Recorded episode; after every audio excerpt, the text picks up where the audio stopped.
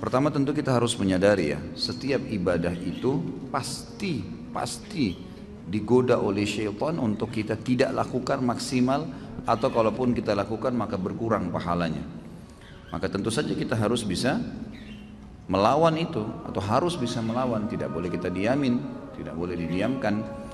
Jadi cara melawan kiat-kiat melawan syaitan pertama menyadari bahwasanya memang ada syaitan yang menggoda kita, membisikkan setiap bisikan negatif jangan diiyakan. Riaklah, menghayalnya, itu harus bisa dilawan. Yang kedua, kita belajar konsentrasi. Konsentrasi itu dengan tenang. Ya. Konsentrasi itu kan akan bisa didapat. Konsentrasi itu bahasa sederhananya sebenarnya sih tenang dalam melakukan sebuah perbuatan ya gitu. Jadi kita lihat orang-orang yang konsentrasi itu kalau baca ayat tenang, kalau melakukan satu perbuatan tenang, ya. dia fokus sehingga memang maksimal dalam gerakan, dalam ucapan, penyampaiannya, tutur katanya, semua terap, tertutur, tertutur rapi, gitu, tertata rapi. Itu semua karena memang dia coba ya konsentrasi di situ. Jadi kita konsentrasi dalam sholat dan yakinilah dalam konsentrasi itu setiap gerakan dan ucapan akan ada nilai pahalanya di sisi Allah Subhanahu Wa Taala. Ya. Jadi kita harus bisa tahu itu. Kemudian pada saat syaitan berhasil mencuri sebagian pahala, misal kita tiba-tiba mau mengkhayal, segera kita kembali. Karena Uthman bin Abi Mad'un radhiyallahu anhu berkata dalam sebuah riwayat Bukhari, Ya Rasulullah, saya setiap kali sholat, sering kadang-kadang saya mengkhayal, kadang-kadang saya kembali. Gitu kan. Kata Nabi SAW, itu godaan syaitan yang berjulukan atau bernama khinzib atau khanzab.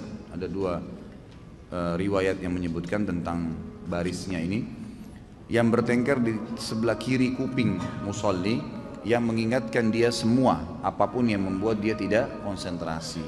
Kalau datang kepadamu bacalah isti'adzah a'udzubillahi minasyaitonirrajim dan meludahlah sebelah kiri tiga kali dengan ditiup. Ya.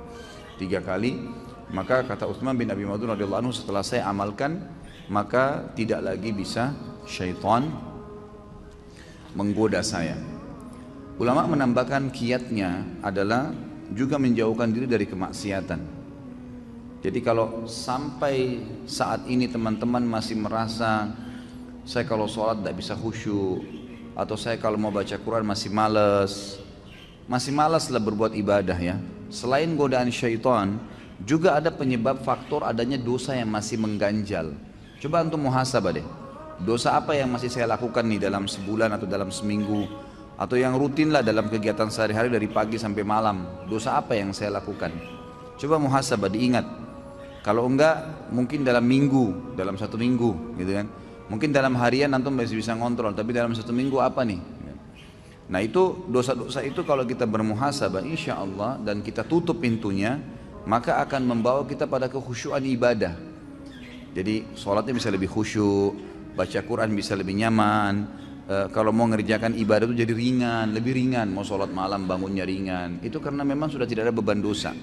Jadi dosa itu juga menjadi penghambat memang, menjadi penghambat. Itulah yang dikatakan oleh Imam Syafi'i yang pernah saya sampaikan ya.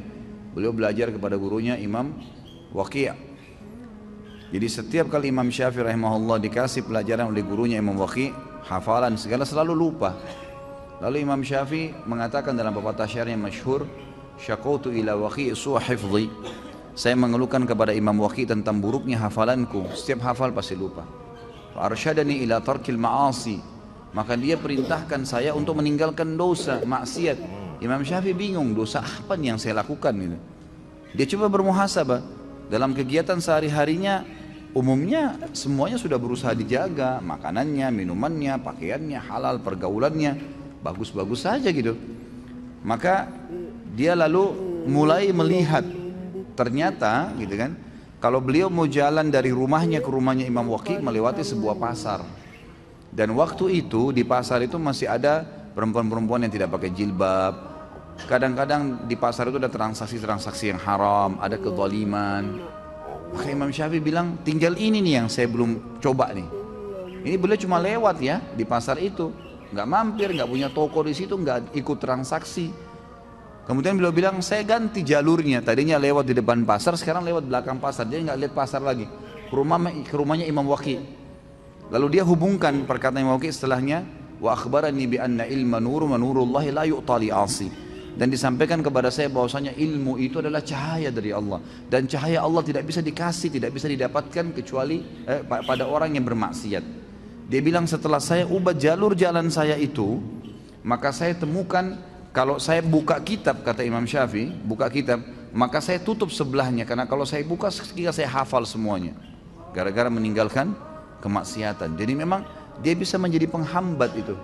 Coba bermuhasabah. Insya Allah dengan menjaga diri dari kemaksiatan, maka salah satu faktor untuk membuat kita bisa khusyuk dalam ibadah. Yang berhubungan dengan pertanyaan ini, ya, tidak boleh kita mengulang-ulangi sholat. Kecuali ada udur syari, batal, luar angin, tiba-tiba teringat belum wudhu, Tiba-tiba baru sudah sholat sementara sholat asar misalnya ternyata baru terdengar azan belum masuk waktu berarti itu harus memang dibatalin. Tapi kalau hanya karena tidak khusyuk lalu diulangin ini godaan syaitan yang lain lagi nih. Karena ini perbuatan bid'ah nggak boleh ngulangin sholat yang sudah dikerjakan. Kan. Karena sudah dikerjakan udah nggak boleh lagi. Ya tidak khusyuk itu konsekuensinya resiko kita. Makanya kita harus fokus, gitu kan? Fokus. Masa teman-teman sekalian kalau diundang oleh wali kota datang kita betul-betul mengatur kata-kata kita. Bahkan kita khawatir kalau ada satu kata yang terpelintir salah masa kita sama Allah subhanahu wa ta'ala tidak bisa menjaga itu? Jadi jangan diulangin ya. Nggak boleh ngulangin sholat secara khusus. Apalagi ya berhubungan dengan masalah sholat nih. Nggak boleh diulangin kecuali ada udur syari. Misal belum masuk waktu tadi gitu kan maka baru masuk waktunya ya kita batalin kita sholat lagi. Atau sudah selesai sholat ternyata memang belum masuk waktu. Atau tidak punya wudhu atau salah kiblat. Hal-hal yang mendasar itu diulangin gitu kan. Tapi kalau enggak maka setahu saya nggak boleh itu was-was ya. apakah saya kena penyakit was-was? Ya jelas penyakit was-was. Dan saya sarankan yang bertanya ini membeli buku. Yang pernah saya bawa itu judulnya penyakit eh, bahaya penyakit was-was.